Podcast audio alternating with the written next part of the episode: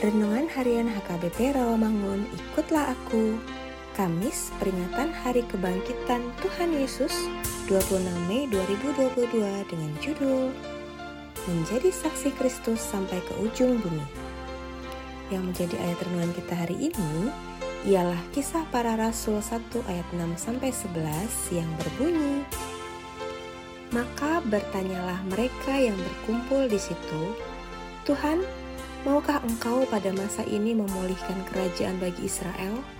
Jawabnya, engkau tidak perlu mengetahui masa dan waktu yang ditetapkan Bapa sendiri menurut kuasanya. Tetapi kamu akan menerima kuasa kalau roh kudus turun ke atas kamu, dan kamu akan menjadi saksiku di Yerusalem dan di seluruh Yudea dan Samaria dan sampai ke ujung bumi. Sesudah ia mengatakan demikian, terangkatlah ia disaksikan oleh mereka, dan awan menutupnya dari pandangan mereka. Ketika mereka sedang menatap ke langit waktu ia naik itu, tiba-tiba berdirilah dua orang yang berpakaian putih dekat mereka, dan berkata kepada mereka, "Hai orang-orang Galilea, mengapakah kamu berdiri melihat ke langit? Yesus ini yang terangkat ke sorga meninggalkan kamu akan datang kembali dengan cara yang sama seperti kamu melihat dia naik ke sorga. Demikian firman Tuhan.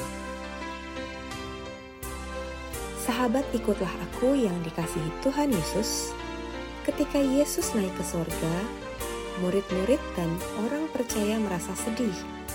Bagaikan anak ayam kehilangan induk, mereka merasa lemah dan tidak berpengharapan. Seolah-olah tidak rela, mereka menatap awan-awan ketika Yesus tidak lagi terlihat. Entah apa yang mereka pikirkan. Mungkin saja mereka berpikir bahwa Yesus pergi untuk selamanya dan tidak lagi ada kesempatan untuk dipulihkan. Ketika mereka bersama Yesus, mereka memiliki pengharapan yang besar akan pemulihan Israel, pemulihan kerajaan Daud, dan kehidupan mereka secara pribadi. Sayangnya, Yesus tidak memenuhi keinginan murid-murid itu. Mungkinkah Yesus telah melupakan murid yang dikasihinya? Tidak. Yesus tidak pergi untuk selamanya, hanya sementara, dan Ia berjanji untuk kembali. Seperti orang tua yang mengasihi anaknya, Yesus terlebih lagi mengasihi orang percaya. Yesus memberikan mereka kuasa dan menjadi saksi dengan bantuan Roh Kudus. Ini adalah hal yang sangat berharga.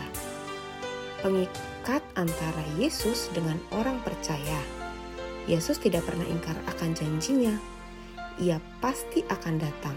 Sambil menanti kedatangannya kembali, orang percaya yang diberi kuasa dan juga menjadi saksi Yesus, saksi kepada dunia bahwa Yesus adalah Tuhan dan Juru Selamat.